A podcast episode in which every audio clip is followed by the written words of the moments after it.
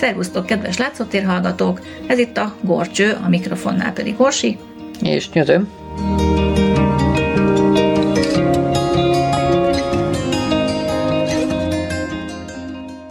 És hát akkor boldog karácsonyt mindenkinek, mert még éppen az van. Igen, az adás felvételének időpontjában is karácsony van, és nektek is nagyon boldog karácsonyt kívánunk innen a kis stúdiószobánkból. Azt a Elneveztem.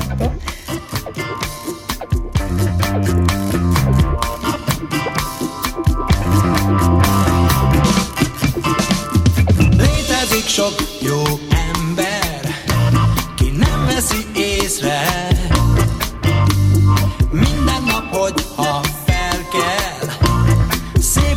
ég kékje. Hétvégét mondják, másképp látják. A napsugarát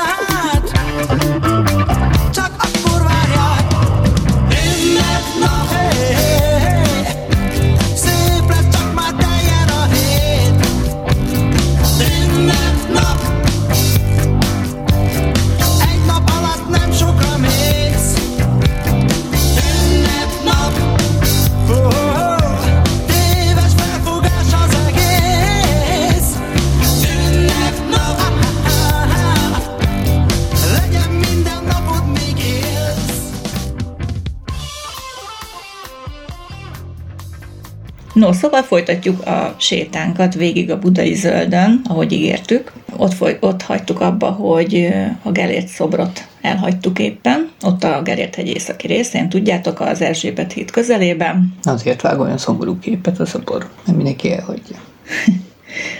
És utána a zöld jelzést követve nyugati irányba folytattuk az utunkat, a Gellért hegy és a Várhegy közötti parkos területre értünk le, ez az úgynevezett Tabán városrész. Most Tabán az ugye nem csak Budán van, hanem még egy pár városban találunk ilyen elnevezésű városrészt, például azt hiszem Pécsett is van, meg Szegeden. Igen, csak sokszor nyöbetűvel van a végén, tehát tabányként emlegetve.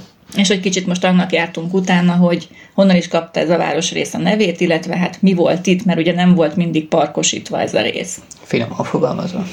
Igen. Szóval utána jártam a történetének egy kicsit. Hát ez az egyik legrégebben lakott része Budának. Krisztus előtti első században már éltek itt kelta népcsoportok, mm, bizonyos eraviszkuszok.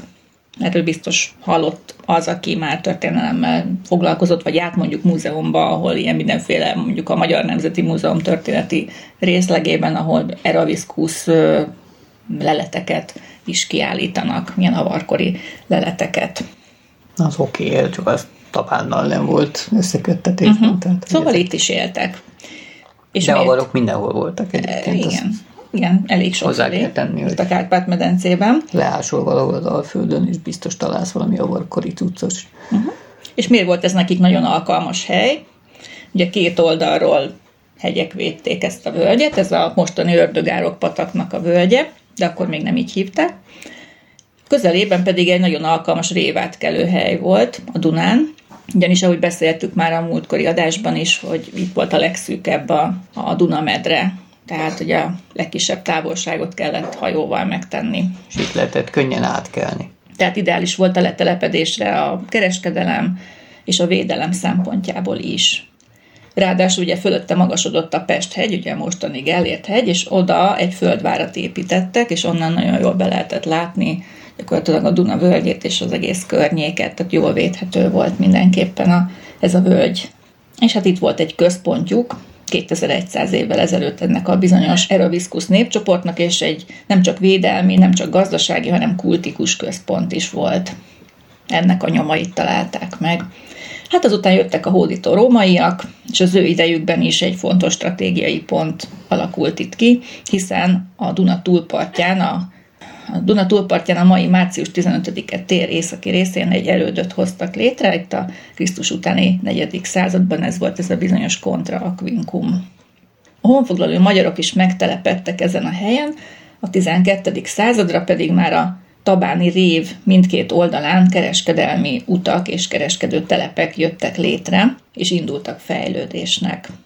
A tatárok mindezt ugyan elpusztították, de csak hamar újjáélett a, a virágzó település. Ugye itt épült meg a budai vár, negyedik Béla idejében, így a Tabán Buda elővárosaként funkcionált, ilyen kiskereskedelmi előváros, korábbi ördögárok, ugye akkor még nem ezen a néven, a fölé építettek egy felvonó hidas kaput, és ez kötötte össze a Tabánt a várral. Igen, hát ez a középkori klasszikus település, és fölötte ott magasodik a vár. Mátyás király idejében a falla lövezett királyi várkertek egészen a Tabánig a mai Attila útvonaláig terjedtek. Palotából a hagyomány szerint fedett folyosó vezetett ahhoz a melegvizes fürdőhelyhez, vagy fürdőházhoz, amelyek helyén most a rácfürdő áll. Uh-huh. Tehát akár ez több fürdőház is lehetett. Tehát ez már Mátyás korában erre használták, hogy uh-huh. király ott áztatta a testét. Bizony. És a fedett folyosó meg ugye a reneszánsz korban eléggé, hát nem azt mondom, hogy szokványos volt, de egy uralkodó könnyedén épített egy ilyet olasz mintára, hiszen Mátyásnak tudjuk, hogy második felesége Itáliából származott. És ő maga is ugye humanista műveltséggel bírt. És a reneszánsz bizonyos elemei hamarabb tűntek föl néha Magyarországon, mint akár Nyugat-Európában.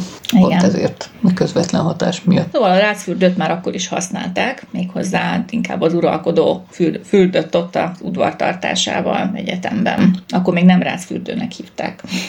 Tehát ami sáros fürdőnek hívták egyébként korábban a helyet, és uh, ugye a rudas fürdő is ott van a közelében. Ja, hát az a Dunaparton. Az meg egész a Dunaparton, hát valószínűleg, hogy itt inkább a szegényebb emberek is megmártózhattak, meg hát korábban tudjuk, hogy itt szerzetesek is éltek, meg tehát azok szerettek ilyen helyekre települni, ahol gyógyforrás is volt. Itt pedig volt három is. És hát a török hódoltság idején is kihasználták ezt a fürdőhelyet. A törökök nagyon szerettek Budán lakozni. Egyébként is a fürdőkultúra egy része az ugye a török korban. Uh-huh. Tehát a 15. században ugye már állt az, a fürdőknek az elődje, a Rác és Rudas fürdő elődje, de ezt a török hódoltság idején még átépítették és kibővítették a törökök és a török korból származik a Tabán neve is. Ez a Debek, Debekhane, vagy Tímár telep, ugye azt jelenti, hogy törökül a Debekhane. A 16. században ugyanis cserző vargák, vagyis tímárok lakóházai és műhelyi sorakoztak a patak melletti utcácskákban. Hát ezek ilyen kis gírbe-gurba utcácskák voltak, kicsit rendezetlenül, organikusan nőtt település volt. Gondolom a folyópart mellé, mert hogy a tímár munkához rengeteg víz meg egyéb kell, és valahol engedni kell a melléktermékként keletkező mindenféle nem túl egészséges folyadékokat. Igen. Hát Buda felszabadítása után a törökök elől elmenekült magyar lakosság helyére délszláv rác telepesek érkeztek, és az ő kicsit szlávos nyelvükön, majd a magyaros, annak magyaros átalakításából született meg a Debekhánéból a Tabán és nevezték Rácvárosnak is ugye a lakosok nemzetiségére utalva. Hát ezek a rácok főként szőlőtermesztéssel és borkészítéssel, kereskedelemmel foglalkoztak itt. Ugye beszéltünk róla, hogy a Gellért hegynek a lankáin nagyon jól megtermett a szőlő és hát jó bort készítettek belőle, és azt pedig könnyedén le tudták a Dunán szállítani és hát az ő apró kis házacskáik, a barátságos vendéglőik, kocsmáik, a falusias utcáik voltak ekkor megtalálhatók itt a Tabánban. Egy ilyen nagyon hangulatos kis városrész, de hát ez egy nagyon, hogy is mondjam, kicsit szedetvedett kinézetű városrész is volt egyben, ilyen kicsit délszlávos hangulattal, mint mondjuk most Szentendrén esetleg lehetne látni. Ezt a, tehát olyan, ami olyasmi hangulatot lehetett elképzelni, ugye még azért fotókon maradt meg a régi taváról egy pár hangulatkép.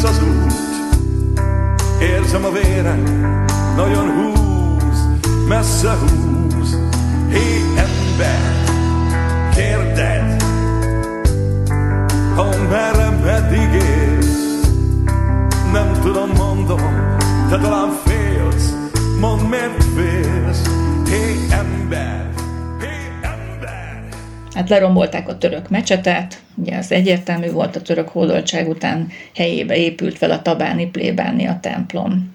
És a 19. század elejére a Tabán az egyik legsűrűbben lakott budai városrészé fejlődött, dacára az 1810-ben tomboló tűzvésznek, amelyben közel 600 ház égett le, és hát azután újjáépült teljesen szinte a Tabán. Tehát az a kép maradt meg a fotókon, ami ugye itt a 1800-as évektől mondjuk a 30, 1930-as évekig alakult ki. Igen, hát a korabeli városoknak a tűzvész az egy elég komoly problémája volt, hiszen nagyon sűrűn egymásba épült házak, egymással balogó tetők, minden. Tehát ha valahol lángra kapott, akkor az pillanatok alatt tudott tovább terjedni. Hát bizony többek között ezért sem volt szerencsés ez a nagyon sűrű beépítkezés, ami abban a korszakban ugye elég jellemző volt. Na, hogy nagyjából így a hangulat érzékelhető legyen, azért maradt fönn egy-két ház, itt a korabeli 19. század elejei Tabánból, ilyen például a Szarvasház, ami most ugye a Szarvas téren van, a Szarvas étterem, vagy valami ilyesmi, aranyszarvas étterem, bocsánat, ez a neve. elit környéké vált. Igen, tehát az aranyszarvas étteremnek a bejárata fölött most is látható az a dombormű a aranyozott szarvassal. Egyébként nagyon szép. Tehát ez a 19. század elején épült ez a akkor is fogadóként üzemelő ház híres lakói közé tartozott állítólag Berzsenyi Dániel is, aki ugye nem volt pesti, nem a Niklai birtokán érdegélt, de időnként azért fellátogatott Pest Budára is. Hát másik ilyen híres tabáni épület Semmelweis Ignácnak a szülőháza, ami ma az Orvostörténeti Múzeum és Könyvtár. Ez is közel van ez az aranyszarvas étteremhez. Hát ez a része a Dunaparthoz közelebbi része, ez maradt fönn a bontás után is. Ezek mondjuk ilyen hőből épült házak voltak, tehát ezek így tartósabban uh-huh. épültek.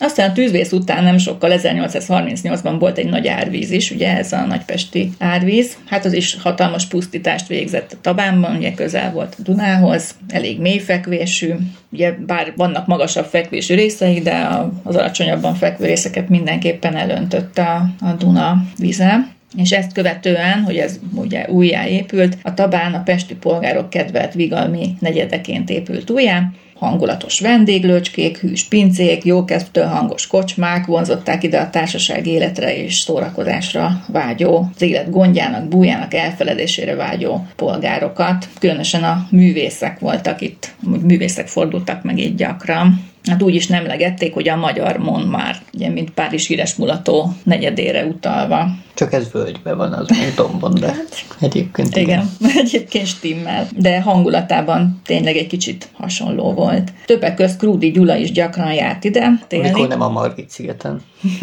a tölgyfák alatt, meg a gesztenyék alatt és állítólag a leghíresebb borozóba, a mély pincébe szeretett gyakran ellátogatni. Hát ugye itt a budai hegyoldalban azért voltak pincék rendesen, ugye már csak a szőlőtermesztésből vissza maradva is, hiszen tudjuk, hogy az 1800-as évek végén sajnos a filoxéra mm, elpusztította a szőlők nagy részét.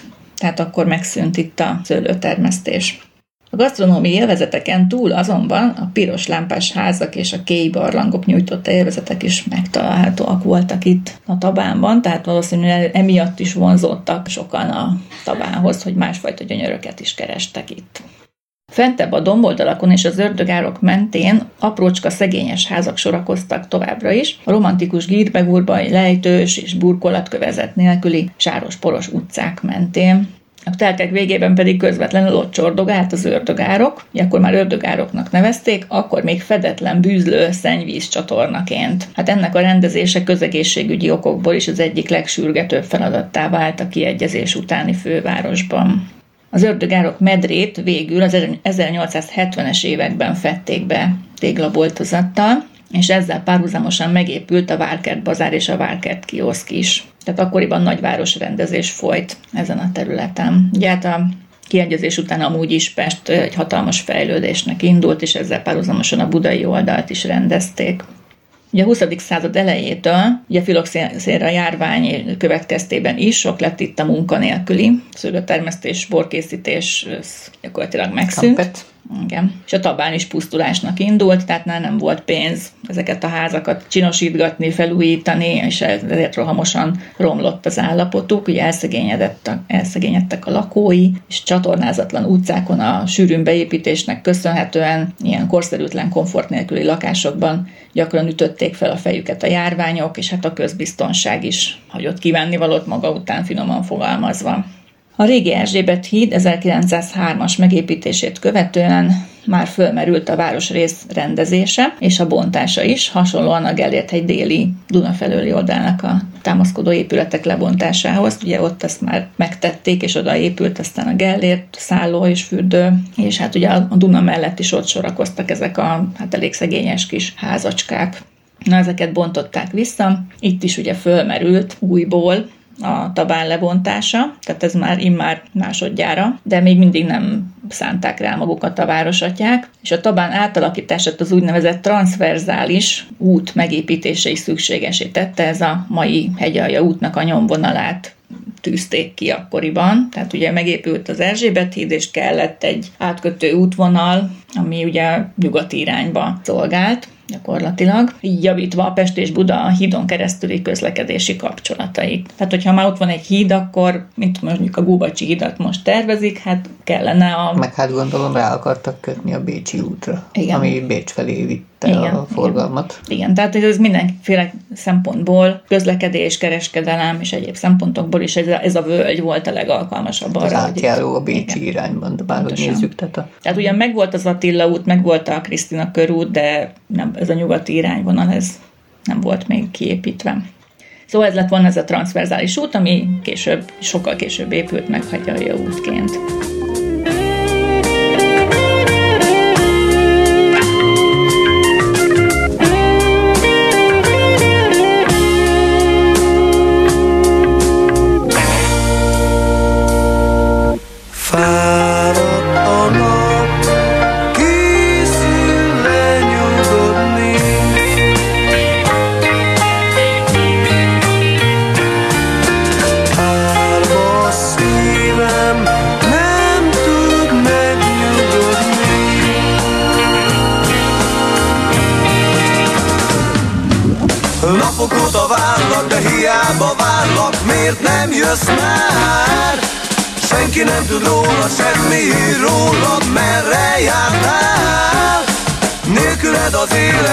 üres lett végleg, mi vár még rám?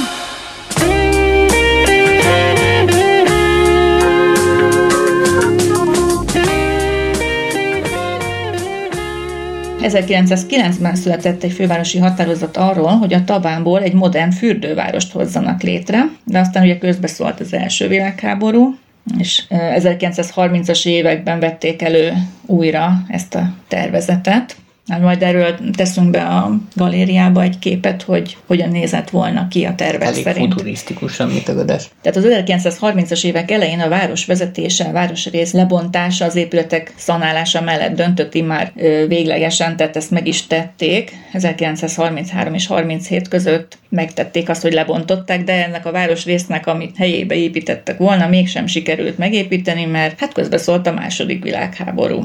Tehát mire lebontották, mert azért nem kis munka volt, ez több évig tartott maga a bontás is. Mire lebontották, addigra nyakunkon volt a második világháború. Hát Aha, ez... Segítettek a bontásban egy kicsit. Igen. Hát gondolom a vár miatt ez egy kiemelt támadási terület volt. A Igen. Hát ha nem bontották légi, volna le, akkor... Háborús időszakban, bombázásokkor gondolom a vár környékét azért megszórták sokkal jobban, mint a... Igen. Tehát ha nem bontották volna le, akkor valószínű romba dőlt volna nagy részt a sok kis házikó, már csak a légnyomásoktól is. Ami megmaradt, ugye, amit nem bontottak le a templom például, a Szent Demeter templom, ami egy görög-keleti templom volt, az is megsérült a háborúban, és aztán azt sajnálatos módon 49-ben le is bontották, de nem volt, állítólag nem volt annyira megsérülve, hogy ne lehetett volna helyre állítani, hanem Stalin születésnapjára ez volt a ajándékként, ajándékként hogy lebontották ezt a templomot. Úgyhogy állítólag az egyik legszebb magyarországi görög-keleti templom volt most már múlt időben.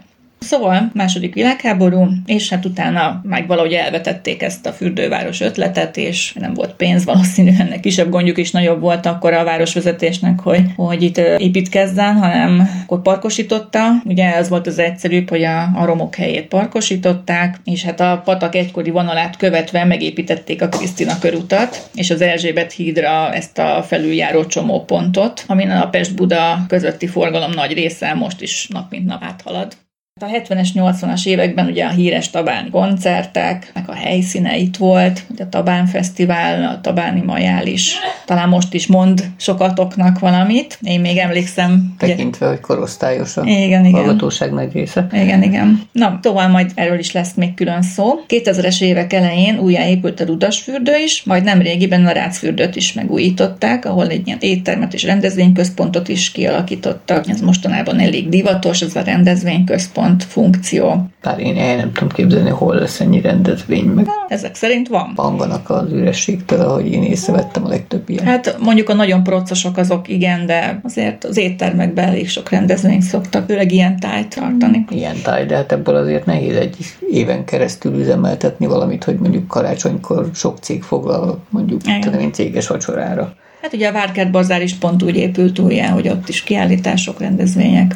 Értem, ez mi, mi minden ilyen historikus épületet manapság iszonyat pénzekért felújítanak, majd kávézó és rendezvényház nyílik benne. Én azt látom, hogy itt nincs annyi rendezvény, a kávézóban meg hát oké, egyszer bemész, megiszol egy kávét, de törzs közönség nem nagyon lesz ott. Hát, Én ezeket olyan gyenge lábon álló gazdasági terveknek ítélem ehhez egy prosperáló ország kéne, ami ezt eltartja és föntartja.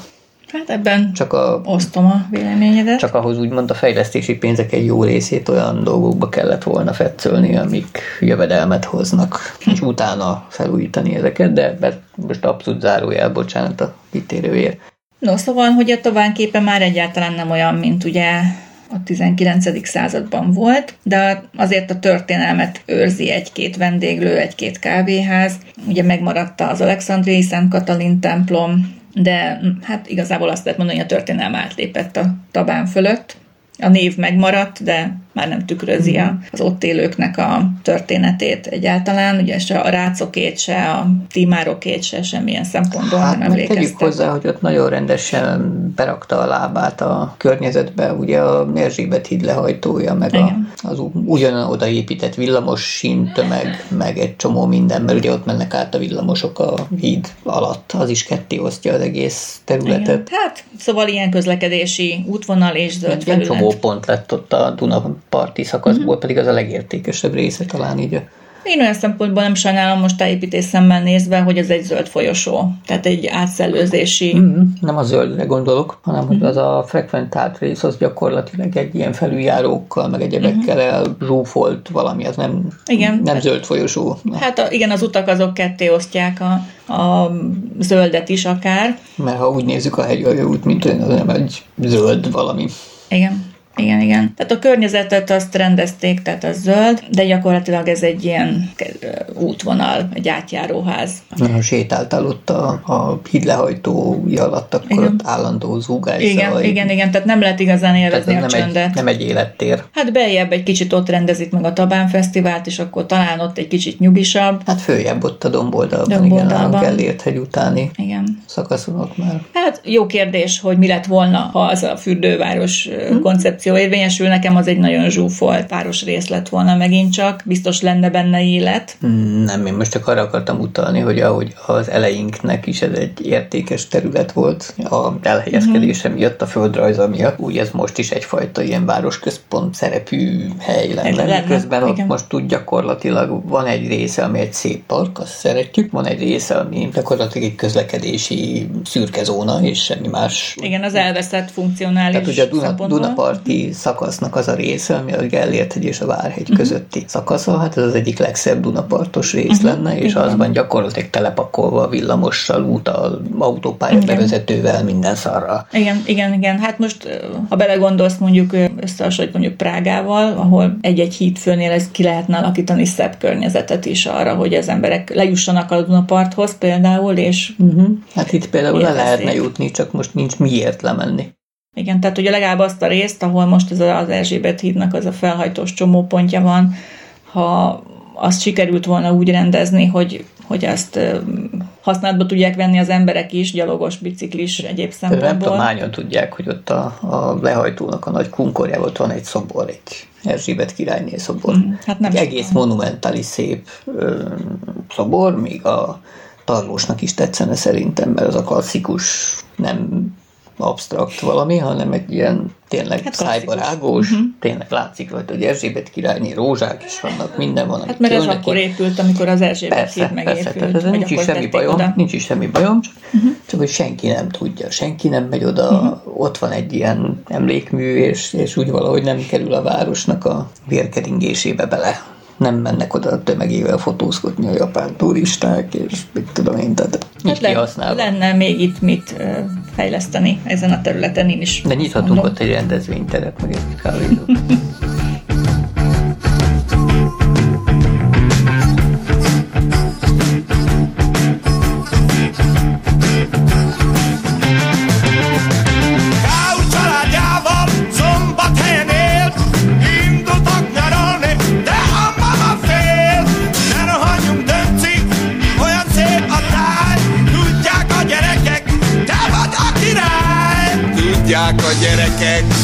vagy a király. BF Szegeden, a Volgájába száll, a hátsó ülésen a titkárnője vár. Hátra szólt a sofőr, főnök, mi a cél? Gyerünk Balatonra, ami belefér. Gyerünk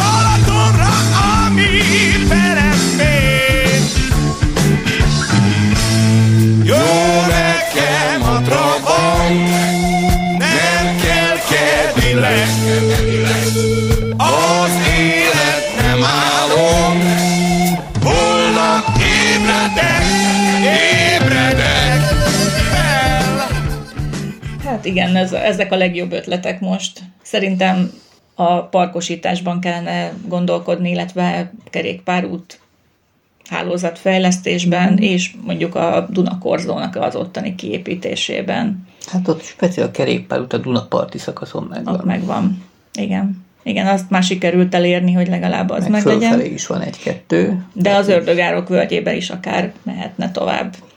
Na hát meg ezt a szegény ördögárkot, azt ugye, ahogy rendezték, az egy érdekes rendezési elv. Tehát, hogyha nem látjuk, akkor nincs én ezt itt tudnám összefoglalni. Uh-huh. Na, most beszéljünk egy kicsit az ördögárok patakról, annak is utána néztem. És nem csak én néztem utána, hanem van még egy érdekes videó is, amit majd a figyelmetekbe ajánlunk. Az ördögárok, az patak a Nagykovácsi közelében ered, ott még tiszta vízű patakként, aztán ugye átfolyik Remeteszőlősön a Remeteszurdokon, amit lehet, hogy többetek ismer. A Gyönyörű szép kör. Kék túra útvonala is ott visz. Aztán ugye bejut Hűvös völgybe, aztán átfolyik a Városmajon, a Vérmezőn is, a Horváth kertben, és végül a Döbrentei tér közelében folyik bele a Dunába. Ugye ott az Erzsébet híd budai lábánál. Akkor már nem igazán tiszta vízű patakként. Hát akkor már nagyon nem tiszta vízűként. Ugye régen ugye Tabán szennyezése miatt ez sose volt már ott tiszta vízű, sajnos. Egy körülbelül 20 kilométeres szakaszt tesz meg a Dunáig a forrásától. Tehát nem egy olyan hosszú patak, és nem is olyan széles patak, cserébe viszont az ördögárok név is utal rá, hogy egy nagyon szeszélyes vízjárású patak, tehát valamikor szinte teljesen kiszárad, és alig csordogál benne víz. A felső szakaszán gyakorlatilag így száraz szokott lenni a meder, ugye később azért csak belegyűlik valamennyi víz, viszont amikor megárad egy nagyobb esőzés következtében, akkor viszont mindent visz. Hát igen, a környezetében meredek nagyobb hegyoldalak vannak, amik uh, nagy sebességgel zúdul bele a esővíz hát nem hívták mindig ördögároknak, hanem hívták például Szent Pál árkának, és az utal arra, hogy forrása közelében állt a pálosok központjának a számító Buda-Szent Lőrinci Kolostor. Nagykovácsi után Kovácsi patakként is emlegették, de a partján található Tímár műhelyek miatt Tímár pataknak is nevezték, tehát több elnevezése is volt a középkor folyamán. A ma használatos ördögárok, az a németül Teufelsgraben név, a középkorban ragadt rá, ugye szeszélyes vízjárása miatt, akkor egyébként több patakot is neveztek Magyarországon ördög pataknak, vagy ördögároknak. Hát ott Visegrád mellett is ott az ördögmalom. Igen. Meg a egyéb ilyen az erre utal állítólag. eldobált nagy kövek a hegyoldalban, ördög, ördögszántásnak. Tehát uh-huh. a sok természeti jelenséget tulajdonítottak az ördögnek, ami nagy, monumentális és elsőre nem érthető. hogy miért is kapta ezt a nevet. 1837 pünkösdjén öntött ki, és ez az áradat jelentős károkat okozott. Tehát akkoriban, ugye a 30-as években kezdték el pont lefedni az ördögárkot. Arról beszéltünk, hogy, hogy lefették, vagy le akarták fedni. Már a, a kiegyezés után voltak ilyen tervek. A Dunához közeleső részét egyébként már ekkoriban is boltozat fette, és azon álltak is fölötte, a boltozat fölött már lakóházak. Aztán a fővárosi közmunkák tanácsa 1873-ban kezdte el végül a lefedés munkálatait a János hídnál, ez a horvát kertben volt. A több híd is vezetett ugye az ördögárok fölött. A munkák még javában folytak, ez az, amiről beszéltünk az előbb, amikor 1875. júniusában jött egy hatalmas esőzés, egy ilyen nyári zápor, ami egy pár órás zápor volt, de annyi víz lezúdult, hogy a félig kész alagutakat is alaposan megrongálta, vitte a lakóházakat, mert ugye alámosta az alapot a sok Hát lakóháznál. igen, meg a víz is tök más felé folyt, mint szokott, igen. mert már félig meddig be volt Be volt terelve, a igen. medrébe, de Szóval ez egy nagyon szerencsétlen időszakban jött ez a felhőszakadás, és a Krisztina városban is sok házat magával sodort, körülbelül 1200 méter hosszú szakaszon. Az árok befedése végül 1876-ban készült el a vérmezőig, és aztán a patak nyomvonalára azóta csak a horvát kertben 1838-ban felállított Nepomuki Szent János szobor és a Döbrentei téren az egyik hídnak a megmaradt hídfője emlékeztet. Azt a Nepomuki Szent János szobrot is azért építették ugye az emlegetett 1837-es árvíz után, mert a Nepomuki az egy ilyen védőszent, aki az árvíz károsultakat, vagy a árvíz, árvíz károkat e, hivatott megelőzni, tehát mint védőszent, nagy annak az emlékére is állítják, hogy megmenekültünk. hát ugye a 30 A túlélők állították, ugye? hát akkor nem volt hatékony a szobor, hogyha 75-ben mégiscsak Nem. tarolt meg. Hát azt valahogy nem védte meg ez- azokat a részeket, de hát az a lényeg, hogy a hálás lakosság, aki megmenekült, az állította 1838-ban, ami, ami után jött a nagypesti árvíz egyébként, de hát sajnos az a szent akkor nem, nem, Nem nagyon sikerült. nem funkcionált rendesen. A lényeg az, hogy a szobor ma is látható egyébként az eredeti helyén, tehát ott valamikor egy híd állt, ugye ez a Tabánban található a horvát kert közelében. 1878-ban készült el végül ugye a város majorig tartó szakasz, tehát először csak a vérmezőig csinálták, aztán a város majorig is folytatták ezt a befedést, és aztán a közparkra első szakasz csak 1920-ban adták végül át. De az a lényeg, hogy elég hosszú szakaszon, mint egy 5 kilométeres szakaszon már fedett részen, vagy a föld mélyében folyik ez a patak, de inkább ez egy ilyen csatorna, Hát igen, nevezzük csatornának. inkább nem kommentálom, mert Igen, tehát a, a Városmajorban ugye nemrég ö, ö, folyt le egy tervpályázat a Városmajor megújítására, és ott is szó, többször szóba került egyébként, de most legutóbb is, hogy kibontani ezt a szakaszt legalább ott a Városmajor területén. még mondjuk nem egy szennyvíz csatorna. De az a baj, hogy már ott is, tehát hogy nem engedné a csatornázási művek, hogy, hogy ez megtörténjen, hogy újból felszínre kerüljenek ott a... Tehát, hogy állítólag már, már nem, nem érdemes kibontani.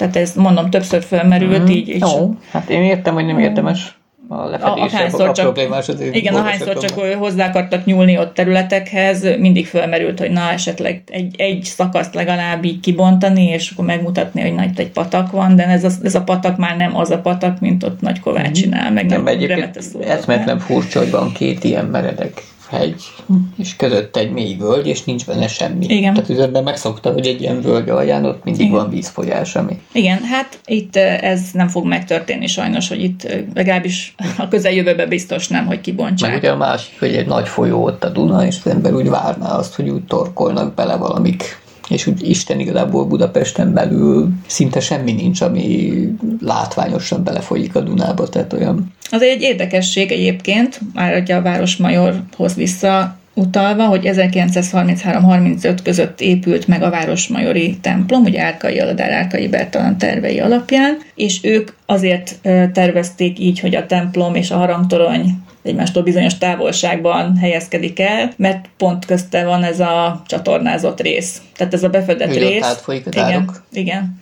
Tehát, hogy akkor ez már ugye megvolt, ez a föld alatt vezetett patak, és ott nem lehetett rá épületet emelni, nyilvánvalóan. De akkor mi nem rakták odébb az egészet, és akkor egybe is elfért Jó volna. kérdés, hogy ezt a telket így kapták, és akkor, de ők szerintem ezt így direkt belekomponálták be az egészbe, most gondolj bele, van egy templom, van egy harangtorony külön, És és, között köz- folyik köz- az ördög árok. Igen, és közötte létrehozták ezt az árkádsort ezekkel a boltívekkel, és az olyan, mint egy híd.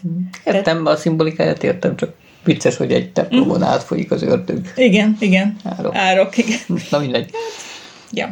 A másik történelmi érdekesség, még egy szomorú esemény kapcsolódik hozzá ehhez az alagúthoz, hogy 45. februárjában a budai váralagútban levő ö, magyar-német katonák főhadiszállása, hogy ugye ki akartak törni az ostrom, a szovjetek ostromgyűrűjéből, és erre akarták felhasználni ezt a csatorna, csatornát gyakorlatilag, ahol, amelyik hol 3x3 méteres, hol meg nagyon beszűkül, és ott a 500 emberrel akartak kitörni, tehát nem sikerült kitörniük, mert egy hatalmas káoszba fulladt ez az egész, tehát ott gyakorlatilag mind az 500 ember oda veszett, mert nem tudtak kitörni, mert akkor a nagy káosz alakult ki az alagútban, februárban magasabb is volt a vízállás. Na mindegy, szóval a szovjetek meg egyesével szedték le őket, akik mondjuk kibukkantak.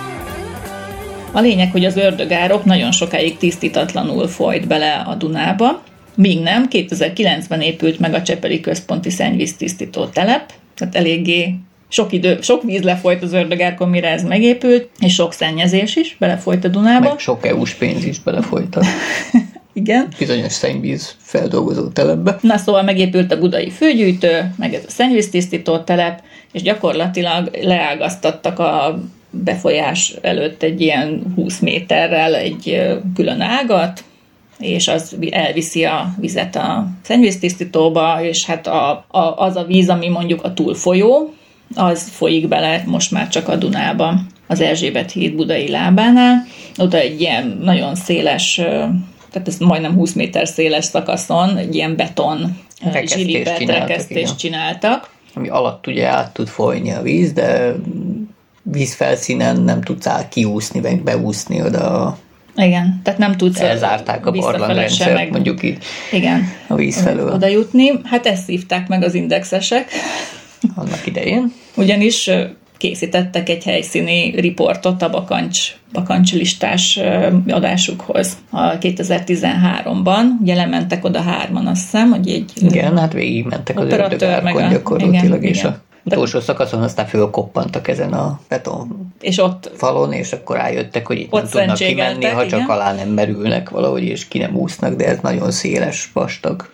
Ezt nem pusztát. merték megpróbálni búváruha nélkül, nem, mondjuk úgy. Mondjuk meg tudom érteni. És ott gázoltak nem tudom hány kilométeren keresztül ilyen melcsizmákba, meg minden a trutyiba. Igen, és akkor végül találtak egy szerencsére nyitott csatornafedelet, és ki tudtak menekülni. Igen, ott a rácfürdő közelében. De azt el is mondták, hogy senki ne csinálja utánuk ezt a túrát. Ezt mondjuk a csatornázási műveknek is szerintem a hajuk égnek át, mikor meglátták ezt a videóriportot. Úgyhogy eh, Igen, mert mondjuk tömegek kezdenek el ott belehalni a ördögálókba, akkor azért az úgy érdekes ö, riportok vannak és találhatóak meg az interneten, most most is meg lehet találni, mi is megnéztük. Egyébként a, most is lehet látni egy iszapfogót ott a Budakeszi út, Hűvösvölgyi út találkozóásának a közelében, ahol volt ez a régi katonai akadémia, ott bújik a föld alá az ördögárok, tehát onnantól kezdve van lefedve, és ott van egy iszapfogó műtárgy, és gyakorlatilag ott be lehetne jutni. Hát ők is ott mentek be, de kijutni már ugye nem, nem olyan egyszerű. Szóval nem, nem érdemes Ha megpróbálni. jön egy villámárvíz, akkor bajba vagy. Akkor meg vagy aztán gondolom a végképp. plafonig ér a víz, aztán a légzés meglehetősen nehéz olyan esetben. No hát tájépítészként ugye én nem tudtam megállni, hogy a Tabán parkosításának is ne nézzek utána. Ö, Második világháború után parkosították a lebontott Tabán helyét, Bakai Árpádné tervei szerint. Erről is majd találtok képeket a galériában, hogy hogy nézett ki parkosítást követően, amikor nagyon érdekes, én alig ismertem rá, mert annyira ezek a fák még ugye nem nőttek meg, csak gyepes és ott a sétányokat lehet látni, a sétányok vonalvezetése sokkal jobban kijön, mint, mint most az egész parkban. Szóval 1966-ban pedig itt rendezték meg a közelben az Esperanto kongresszust, ezért egy Esperanto emlékművet is elhelyeztek, meg egy kutat a Rácfürdő Krisztina körút felüli oldalán, ez most is látható, hát elég életpattant állapotban van mondjuk úgy. Az emlékművet és a kis teret Kőfalvi Gyula és Van Egon tervezte, itt állt Ludwig vagy itt áll Ludwig Zamenhofnak, az Esperanto mozgalom atyának is a szobra, amelyet 1986-ban állítottak fel, ugye 20 éves évfordulóra, annak a kongresszusnak az emlékére.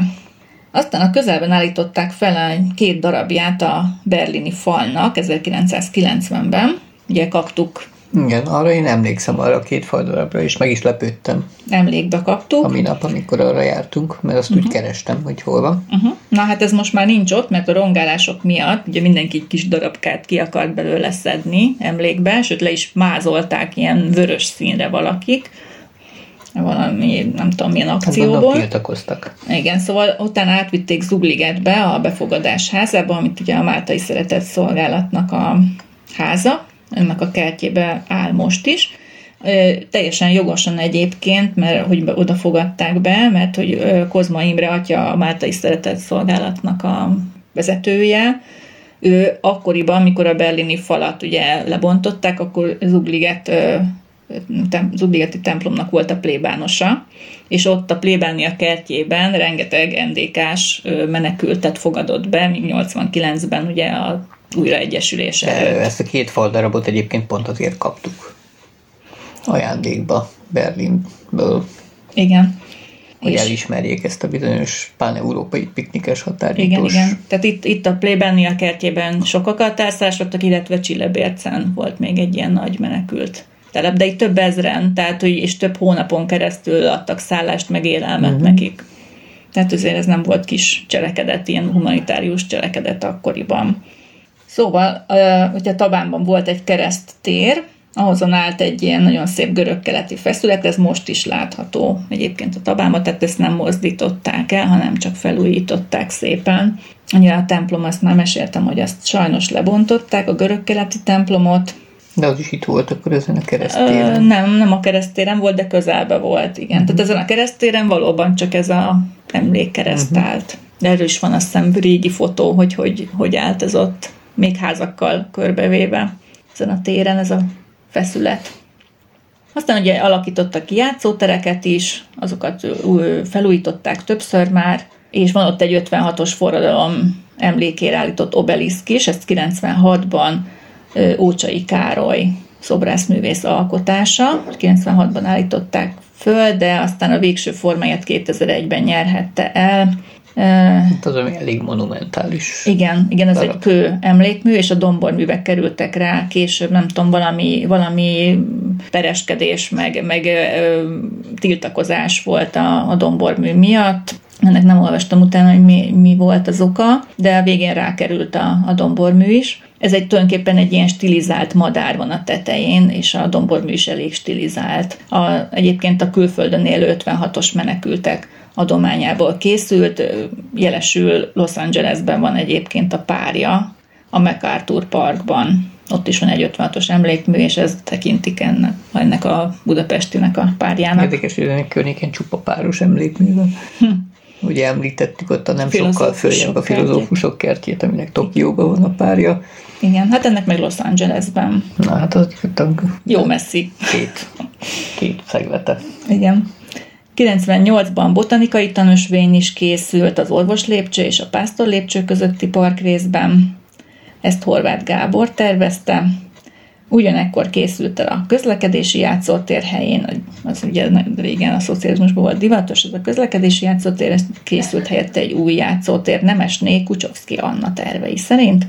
Közelében található még egy street workout park, ez is most nagyon divatos, ez tulajdonképpen egy ilyen szabadtéri fitness park, vagy kondi park, És azt sok felé raknak most. igen, ilyen, ilyen új modern eszközökkel, és egy kutyafuttató terület is épült. 2020-ban újították fel a játszóteret és a Kondi Parkot a főkert tervei alapján. Aztán a Tabáni Szabadidőpark néven újították fel a 2019-es Budapest Európa Sportfővárosa programsorozat részeként, akkor kaptak rá pénzt. A Naphegy utcai részen pedig helyet kapott egy ilyen óriás hangszerekkel felszerelt interaktív játszótér, a korábbi két kicsi területű játszótér összevonásával. Ezt láttuk is, ezt a, vagy játszottunk mi is a hangszerekkel.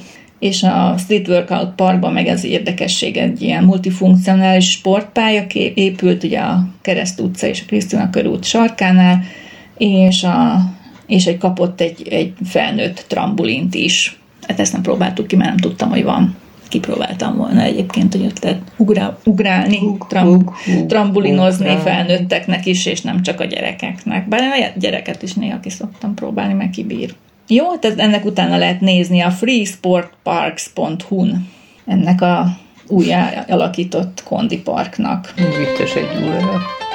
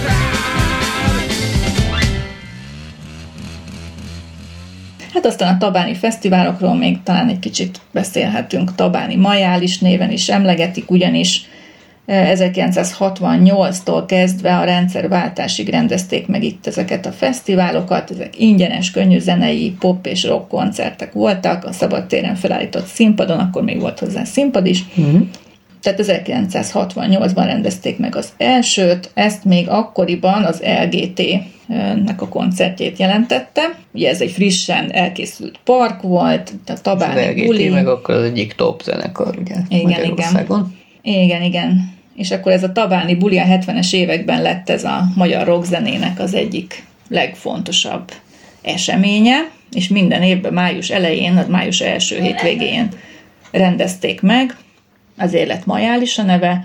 Kezdetben az LGT és a Mini együttes voltak a fellépők, de néhány év múlva már csatlakozott hozzájuk a Hobo Blues Bandtől kezdve a Beatrice-ig az úgynevezett nagy generáció tagjai közül szinte mindenki, aki számított a magyar rockzenei életben akkoriban. És az LGT-nek a Gyere, gyere ki a hegyoldalba című dalát éppen ez a tabáni helyszín ihlette. Hát ez volt a marketing kampánynak a Igen, igen. Ez volt a kezdődal, amikor elkezdték a koncertet. És én még emlékszem, hogy apukám nyakában ezt hallgattam. Ilyen három éves, négy éves kisgyerekként. Erre még így halványan emlékszem, hogy kimentünk egy ilyen Igen, koncertre. utolsó emlékem még amikor fiatal, mert középiskolás koromból van, amikor valami Charlie koncert volt ott éppen. Aztán az utolsó, aztán utána egy ideig nem volt ez a fesztivál, és akkor én, én azt hittem, hogy azóta sincs. Na hát, mert 1987-ben rendezték meg az utolsó koncerteket, amely egyben az LGT-nek az egyik búcsú koncertje is volt, 87-ben. 87-ben. Ez érdekes. és aztán rendeztek más koncerteket is, de az a régi ö, fe- fesztivál csak tíz évvel később élet újjá 1997-ben, és azóta minden évben megrendezik, és állítólag ingyenes, tehát ugyanúgy ingyenes, mint akkoriban volt, ugyanúgy ugye a szabadtéren rendezik meg, és ugyanúgy Tabán Fesztivál néven, és állítólag egy retro Tabán fesztivált is rendeznek Szent István naphoz kapcsolódva. Tehát most már nem csak májusban van, hanem most már van, augusztus végén is van egy retro Tabán.